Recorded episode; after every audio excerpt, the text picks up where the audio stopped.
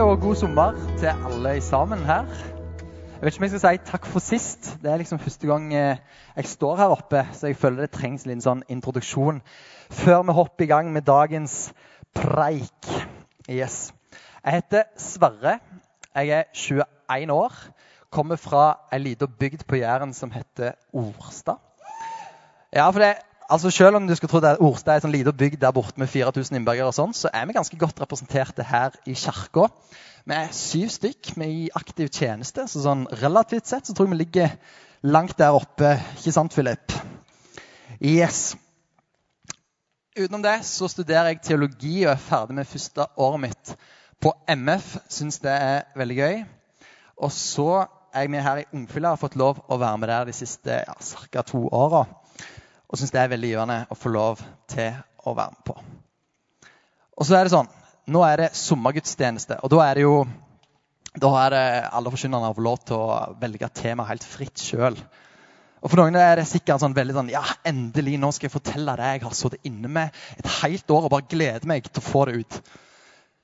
Men for min del så var det litt mer sånn at du vet når du står foran eh, en sånn isbar med 18 forskjellige sorter, og så er det kø bak deg, og så er det plutselig din tur, og så begynner du å tenke på sånn, ah, ja, hva hadde jeg i går, hva tenker jeg i morgen, hvilken kombinasjon er det som passer, skal jeg kjeks eller beger? Alt mulig. Og hva er det du ofte gjør da? Jo, du velger du sjokolade. Da safer du, ikke sant? Og Det er det jeg har lyst til å gjøre litt i dag. Jeg har lyst til å holde det enkelt. Fordi jeg tror at når det kommer til sentrum av vår tro, så er det sånn at det vi ikke vet, det har vi faktisk vondt av. Du er med på den tanken. Så i dag har jeg lyst til å snakke litt om, om sentrum og løfte fram noen sannheter som det er superviktig at vi har i hjertene våre. Er dere med på det?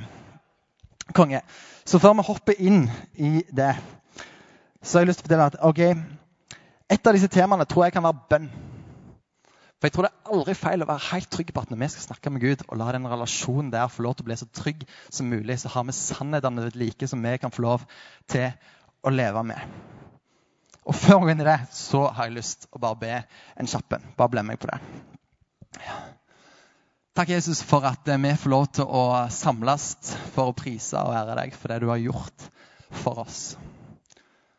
Takk for at vi er dine barn, helt rene og rettferdige. Og jeg ber Helligånd om at du åpner hjertene våre nå, sånn at dine sannheter kan få lov til å få den plassen de skal ha. Legg med alt av det som skal skje i dag, i dine hender. Amen. Yes. Jeg har jobbet i barnehage i sommer. Og det syns jeg egentlig er, er veldig fint. Det er sånn, hvis du er usikker på hvordan åndens frukt har fått lov til å vokse i deg, så er barnehage helt sånn perfekt å gjøre én gang i året. Bare for å ta en liten sånn, ja, en statusoppdatering på det. Men greia, når du skal fortelle ungene noe de skal gjøre i barnehagen, så er det veldig sånn, uh, ungene forstår det ikke, og de begynner å stille spørsmål med det. F.eks. å ta på regntøy. Fordi på Jæren der regner det like mye i juli som i januar. Og det ungene gjør da, det er å stille spørsmål. Og da er det ikke en sånn søt Oslo-kid som kommer sånn Hvorfor det? Nei, på Jæren så er ungene helt ned i toårsalderen oppdratt til å spørre hvorfor. Og det er det jeg har lyst til å snakke litt om i dag når det kommer til bønn. Hvorfor? For jeg tror at vi alle kan være kjent på en sånn meningsløshet rundt noe vi har gjort. En sånn følelse av at det vi holder på med nå, det får jeg ingenting ut av. Og det har ingenting med mitt liv å gjøre. Og du sitter bare igjen med en følelse av hva er poenget? Eksempel algebra. Du skal få rekke opp ei hånd hvis du har vært innom algebra i løpet av ditt liv. Ikke sant? Og så skal du få lov til å holde hånda oppe. så bare gjør det. Hvis du er innom algebra nå én gang i uka minst Ikke sant? Og deg. Min lillebror har det sånn med turgåing, hvor familien min kan være ganske sånn entusiastiske. og det er flott, Men hvor han helt oppriktig kan mene at du kan google utsikten og få like mye igjen for opplevelsen. Men kanskje har du det sånn med bønn en sånn følelse at ja, det er fint, men jeg vet ikke om det har den plassen som det kanskje kunne hatt i livet mitt. Jeg vet ikke om det har det store hvorforet. Og det her hvorforet er så viktig, for jeg tror at hvis vi skal kunne ha den relasjonen og, den, og det hvorforet i våre liv som kristne, så er vi nødt til å starte med hva Jesus har gjort for oss. Og starte vår relasjon med Gud der Jesus sitt verk var helt, helt ferdig. Og Derfor er dette hvorfor-spørsmålet så jeg har lyst til å legge fram tre fordier. Og jeg har lyst til å prøve å oppmuntre, kanskje utfordre og inspirere til å la bønn få lov til å få en enda større plass i våre liv. Er dere med? Konge. Min første fordi er fordi evangeliet. Enkelt og greit. Det at Jesus kom, det var ikke noe tilfeldig opplegg. Nei, Vi tror på at vi, vi hører til en større fortelling. Som hadde vært langt, langt tilbake i tid. Så var det en relasjon og en tillit mellom menneskene og Gud som gikk tapt. Guds svar på dette var å velge ut et folk dette folket er israelsfolket. Og dette folket ga han løfte om at gjennom de så skulle Gud velsigne alle folkeslag. Han skulle gjenopprette den tapte relasjonen og frelse oss fra det livet vi levde vekke fra ham. Derfor kom Jesus. Ikke for å dømme verden, men for å frelse den. Ikke for å stå med pekefinger, men for å stå med åpne armer. Og ikke for å kalle syndere, men for å kalle sønner og døtre. Fordi da englene på marken møtte gjeterne i Lukas 2, så står det 'frykt ikke'. Se, jeg forkynner dere en glede, en stor glede, en glede for hele folket. Så hva er det vi har å glede oss over? Jo, Gud, allmektig Gud, han valgte frivillig å bli menneske. Han plasserte seg i ei dame sin mage og kom til verden. Ble frista, ble torturert, ble drept av sine egne. Og i dette så var han fortsatt Gud. Han måtte ingenting av det, men han valgte det. Han ville det fordi han så en enorm verdi i oss.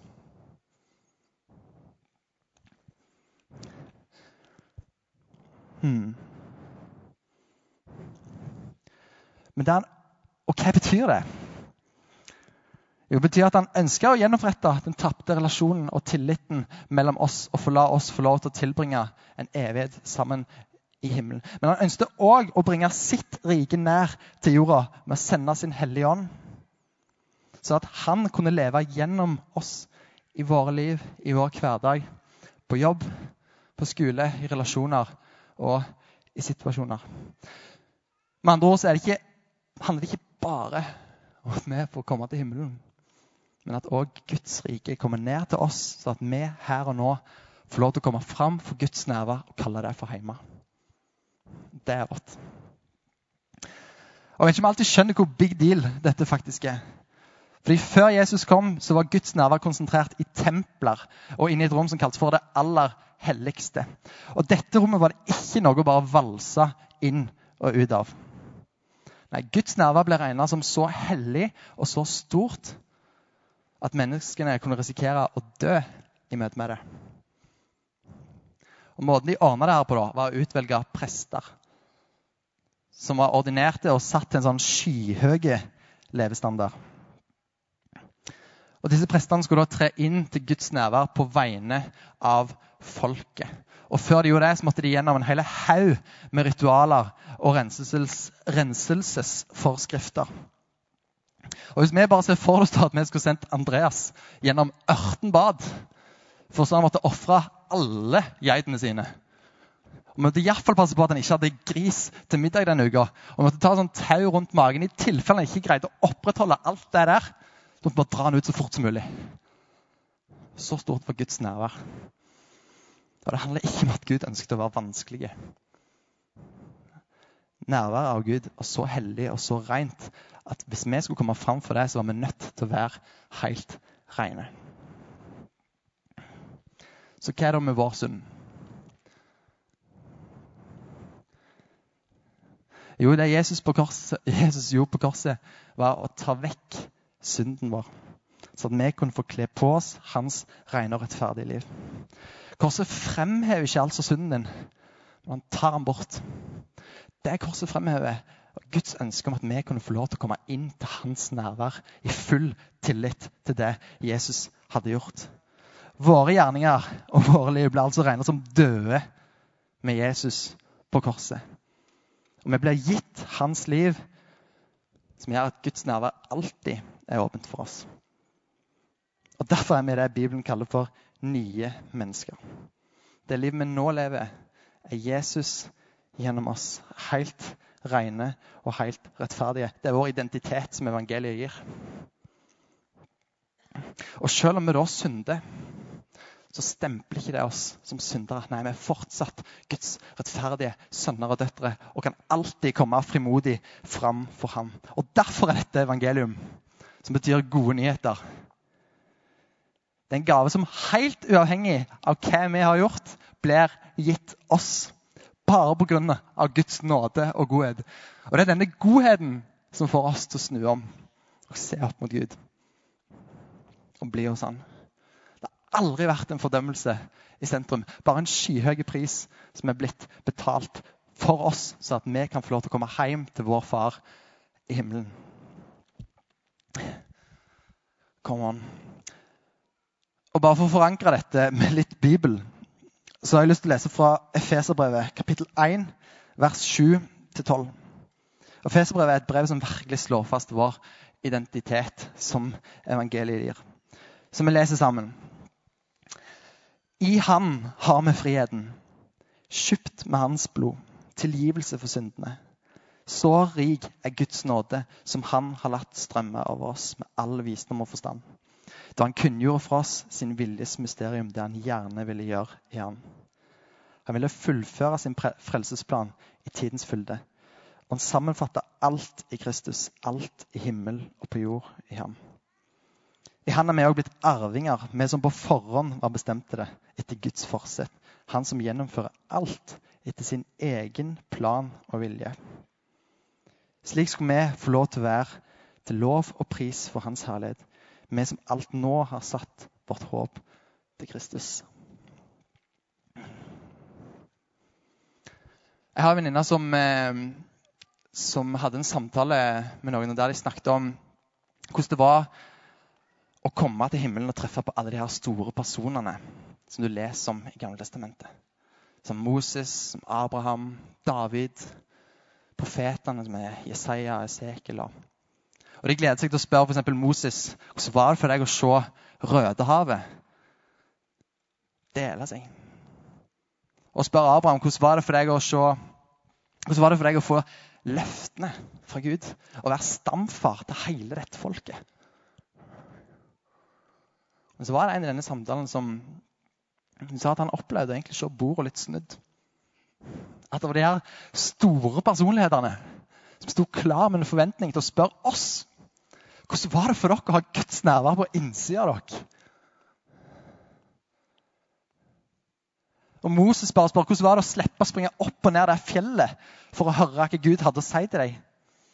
Hvordan var det å få lov til å ta del i en frelse som vi bare fikk løfter om? Jeg føler Dette sier noe om hvor stort det er det vi får ta del i. Vi må aldri se ned på eller la evangeliet bli gammelt nytt. For det er ingenting som er mer relevant for oss i dag. Og det er hele utgangspunktet i vår relasjon og liv sammen med Gud i dag. Og Her går vi over til min fordi nummer to. Fordi Gud ønsker relasjon. Men før vi går videre, så vil jeg at du skal snu deg til sidemannen din og bare si er ikke det her evangeliet vanvittig gode nyheter? Mm, og så skal du snu deg til den andre og si jo, jeg syns faktisk det. Come on. Og Nå håper jeg at vi forstår litt bedre at når vi skal be til Gud, når vi skal inn i relasjon med Han, så skal det ikke uten noe Ja, men så du ikke hva jeg gjorde i stad? Og uten noe sånn Ja, men jeg føler det ikke akkurat nå. Uten noe ja, men, ja, men. Fordi 2. Korinterbrev 1,20 sier at For i ham har alle Guds løfter fått sitt ja. Og Derfor sier vi ikke òg med han vårt ja, men. Du kan ta neste. Derfor sier vi òg med han vårt amen til Guds ære. Dette er ikke noe vi først og fremst er kalt til å føle, men til å tro på. Å velge å i tillit til det Jesus har gjort, gå inn i relasjon til Gud uten noe som helst å forklare. Uten noe å rettferdiggjøre. Bare 'tusen takk, Jesus, for det du har gitt meg'. Vi kan si det at i, um, at i vår relasjon til Gud så er det kanskje den mest naturlige følelsen å kjenne på at hører jeg hjemme her? Ønsker Gud å lytte til meg? Er jeg verdig til det? Men det er ikke sannheten. Sannheten er at Guds nåde er nok. Og at vi derfor kan løfte hendene i glede fordi vi vet at Jesus har ledet oss inn til det aller helligste i et liv sammen med ham. I Johannes 17, vers 3, så står det Og dette er det evige liv. At de kjenner deg, den eneste sanne Gud, og Han du har sendt, Jesus Kristus. Og Jeg vet fra mitt eget liv at, det, at det er lett å fokusere mer på å oppføre seg bedre, på å kanskje tjene bedre, elske bedre og bli bedre, enn å kjenne Gud bedre. Å kjenne Gud som vår far, det er det evige liv. Jeg tror faktisk at vi er kalt til å gå inn i vår relasjon til Gud med det ene motivet. At vi ikke trenger å fokusere på noe annet. At vi ene og alene kan gå inn i vår relasjon til Gud og si jeg har lyst å kjenne deg bedre. Jeg har lyst til å la ditt perspektiv bli mitt perspektiv. Jeg har lyst til å se det du ser. Johannes 15, vers 4 sier at 'bli i meg, så blir jeg i dere'. Slik som greinen ikke kan bære frukt av seg selv, men bare hvis den blir på vintreet. Slik kan heller ikke dere bære frukt hvis dere ikke blir i meg. Og Istedenfor at vi da går rundt og bekymrer oss og stresser over at vi ikke bærer frukt, så blir vi Jesus. Så kobler vi oss på treet og lar livet fra treet, la kjennskapet vårt til Jesus få lov til å forandre våre liv. Hvis vi blir Jesus, så blir han i oss. Det har han lovt. Og Derfor vil jeg påstå at det er ingenting som kan sammenlignes med vår evne til å koble av alt, løfte blikket vårt opp og bli bedre kjent med Gud. Og Den hellige ånd som leder oss i dette kjennskapet, det er en levende ånd. Det er sannhetens ånd. Det er Guds nærvær som bor i oss. Og Når vi blir Jesus, så gir vi Den hellige ånd større rom i hjertene våre. Og Da står det i Bibelen at han skal lede oss til hele sannheten. Og Forenkla kan du si at den sannheten handler om hvem Gud er, hvem du er, og hva ditt liv handler om. Så inn i vår relasjon til Gud så handler det ikke først og fremst om en tjeneste, men om et kjennskap. Eller sånn som de sier på Karmøy nå, det handler ikke om å tjene han, men om å tjene han. Og den er det bare å bruke hvis dere vil, eh, hvis dere vil eh, skal snakke om dette en annen gang. Eh, ja. Men helt seriøst så har jeg faktisk sett flere mennesker bli mer forandra av ti minutter med bønn enn gjennom ti prekener. Og det tror jeg handler om at når vi velger å sette oss ned og si Gud, ja, jeg har hørt mye om deg. Og jeg har sikkert gjort mye for deg. Men akkurat nå har jeg lyst til å bare bli bedre kjent med deg. Da skjer det noe. Derfor har jeg lyst til å gjenta det jeg sa i stad, om at ingenting kan sammenlignes med vår evne til å koble av alt sammen. Løfte blikket vårt og bare være hos Han. Og vårt behov for Gud det blir ikke fulgt opp, det blir ikke dekka av at vi bruker timene. Det blir dypere. Det går utover selve opplevelsen å få lov til å påvirke vår hverdag, vår uke og våre liv. Og at istedenfor at vi da går rundt og er mette, så vekkes en appetitt mer og mer og mer. Så er det sånn at Media er jo veldig flinke til å legge fram onde sirkler, og det er masse bekymring i det. Men jeg har lyst til å gi dere en veldig enkel, god sirkel. Som jeg òg tror er helt 100% sann. Og Den går ut på det at jo mer vi ber, jo mer vil vi kjenne en trang til å be. Og jo mer vi kjenner en trang til å be, jo mer vi ber. Inn til en dypere relasjon med han. Ikke til noe fasade eller noe religiøst liv. Jesus kalte fiskere og tollere, som var lavtstående yrke på den tida. Og det tror jeg sier noe om at Jesus' største krav det var ikke noe sånn der et fromt, fint liv.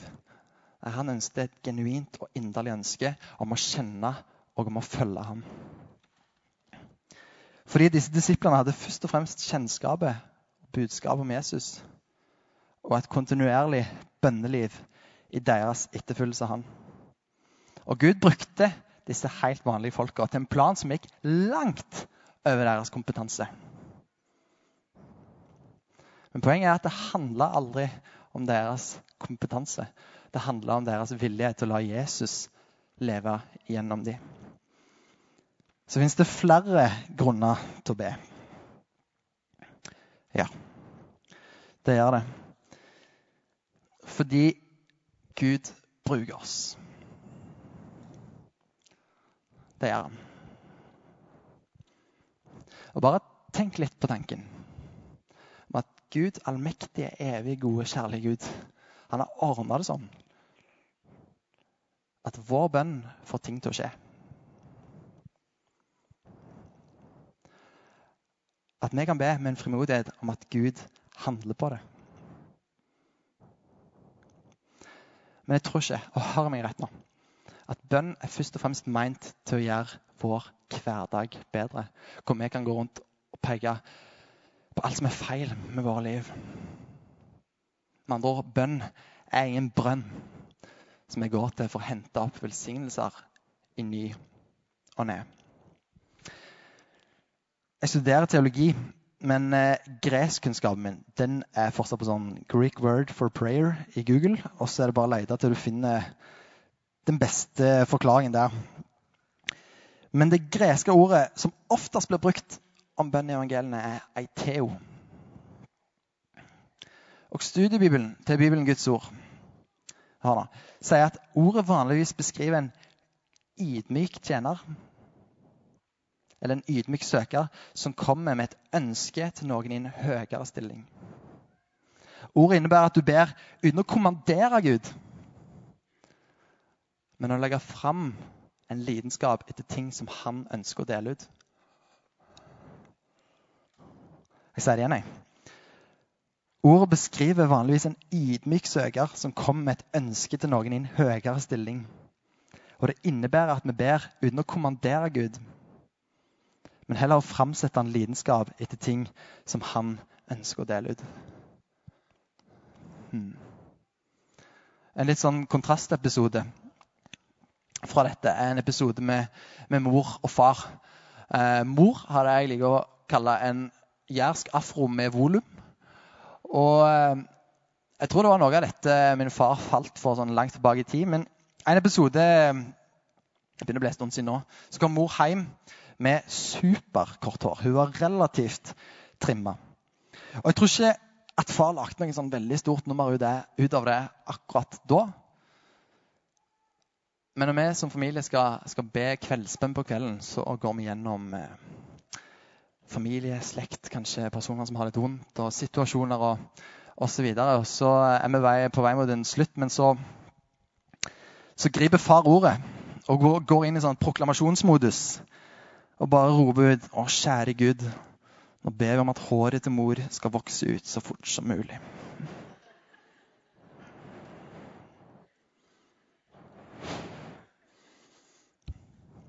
Og Selv om vi ikke tror at folk flest har sånne enkle hverdagsting i sentrum av sine bønneliv, så er det superviktig å forstå at evangeliet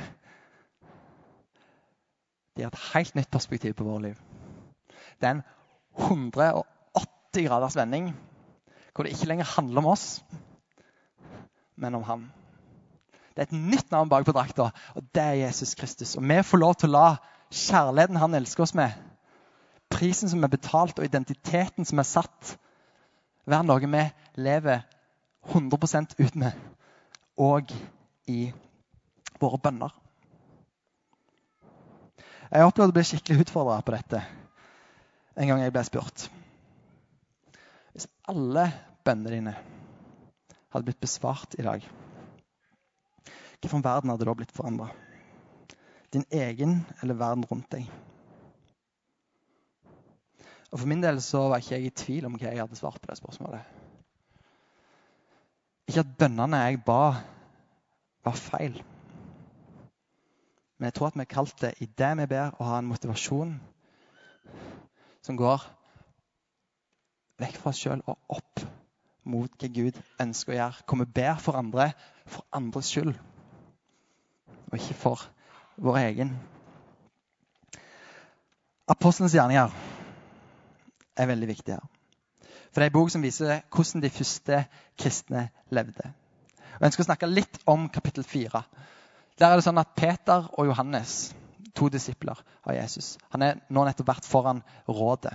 Og Det er sånne jødiske ledere. Og Der har de blitt trua for å forkynne evangeliet og for å helbrede mennesker. Så når de går, kommer tilbake til gjengen sin og gjør en liten debrief på hva som har skjedd, så begynner de å be. Og sånn ytre sett så mener jeg at dette er en gjeng som har ganske god grunn til å bare be til Gud om at det, omstendighetene og utfordringene At Gud iallfall kan dempe det litt. At han iallfall kan styrke fortet deres litt. Men bønnen som bes, den høres sånn her ut. Og nå, Herre, hold øye med trusselen deres, og la dine tjenere tale ditt ord med frimodighet.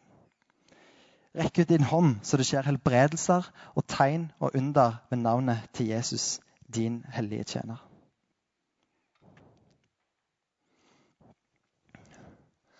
Altså holdt ikke de første kristne bare fortet, men de ba om å bli utrusta til å kunne påvirke en hel kultur. Og Det er som du ser et sånt der, en sånn grunnmur i bønnelivet til de første kristne som bare roper 'Din vilje skjer, Gud'. Jeg tror at denne grunnmuren kommer fra et liv med en grunnmur, som var Jesus Kristus. Og Som nevnt tidligere så tror jeg derfor at i det vi lever liv som handler om ham, men òg ber bønner som handler om ham, da bruker Gud oss. Da bruker Gud oss. Og da er det sånn at Gud ønsker å svare bønnene våre. Men han ønsker òg å forme oss til å bli bønnesvar. Så hvis vi ber for en venn eller en situasjon om at Gud skal gripe inn, så skjer det noe med situasjonen, men det skjer òg noe med oss. At vi ber for den kompisen som ikke kjenner Jesus, så tror jeg òg Gud leder oss til å kunne være en velsignelse for ham. Til å kunne elske ham. Og vise ham hvem Jesus er, og så inn i noe som Gud gir vekst. Med andre ord så handler viktigheten av bønn ikke alltid om å få et svar. Men om å bli forma til en person som Gud kan bruke til et svar. Viktigheten av bønn handler ikke alltid om å få et svar, men bli forma til en person som Gud kan bruke til et svar. Fordi Gud bruker oss. Og igjen Den hellige ånd som ønsker å leve dette livet gjennom oss. Det var En som sa en gang at det, det er like umulig å helbrede egen kraft som det er å leve resten av livet for Gud i egen kraft. Vi er helt avhengige av Den hellige ånd. Det handler om et kjennskap og en relasjon med Han som får lov til å fornye måten vi ser på andre, på oss sjøl og på livet vi lever på. Og la oss ikke gå i feller og kalle det her for stress. Eller en byrde. Altså, det her er vanvittig stort. Vanvittig stort er det. Gud ønsket ikke bare å møte oss med sin kjærlighet. Men han ønsket òg å bruke oss til å nå flere mennesker gjennom vår relasjon med han. Yes.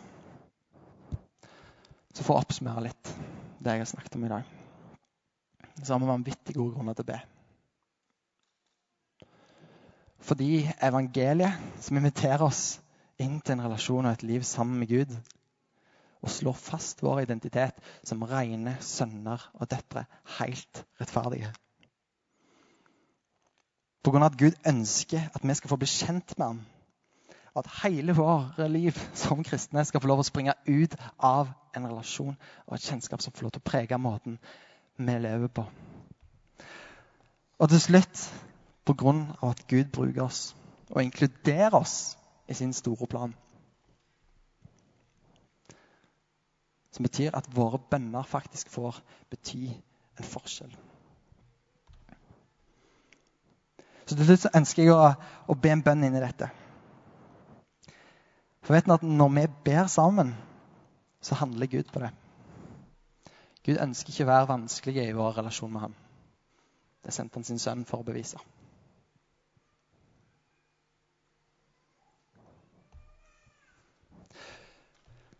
Og Jeg tror vi kan bare kan bli sittende. Men eh, hvis du har lyst, så kan du få lov å være med og be og bare gjenta det jeg ber om nå, et, som et svar på, på, det jeg har snakket om. Hvis du Ja. Og la bønnen få lov til å bli en enda større del av vår hverdag. Av vår relasjon med Gud. Og bare bygge den, komme nærmere vår far. For det er det han ønsker at vi skal gjøre. Hvis du ønsker, skal du få lov til å være med meg og be inn i dette. Så ber jeg en setning, skal du få lov å være med og gjenta det. Takk, Jesus, for evangeliet. For at du ga ditt liv for oss, sånn at vi kan få lov til å komme inn til deg. Takk for relasjonen med deg. Og hjelp oss til å la den bare bli dypere og dypere. Å være hele utgangspunktet for våre liv. Hjelp oss å se storheten i at du bruker oss. Og la din vilje skje. Amen.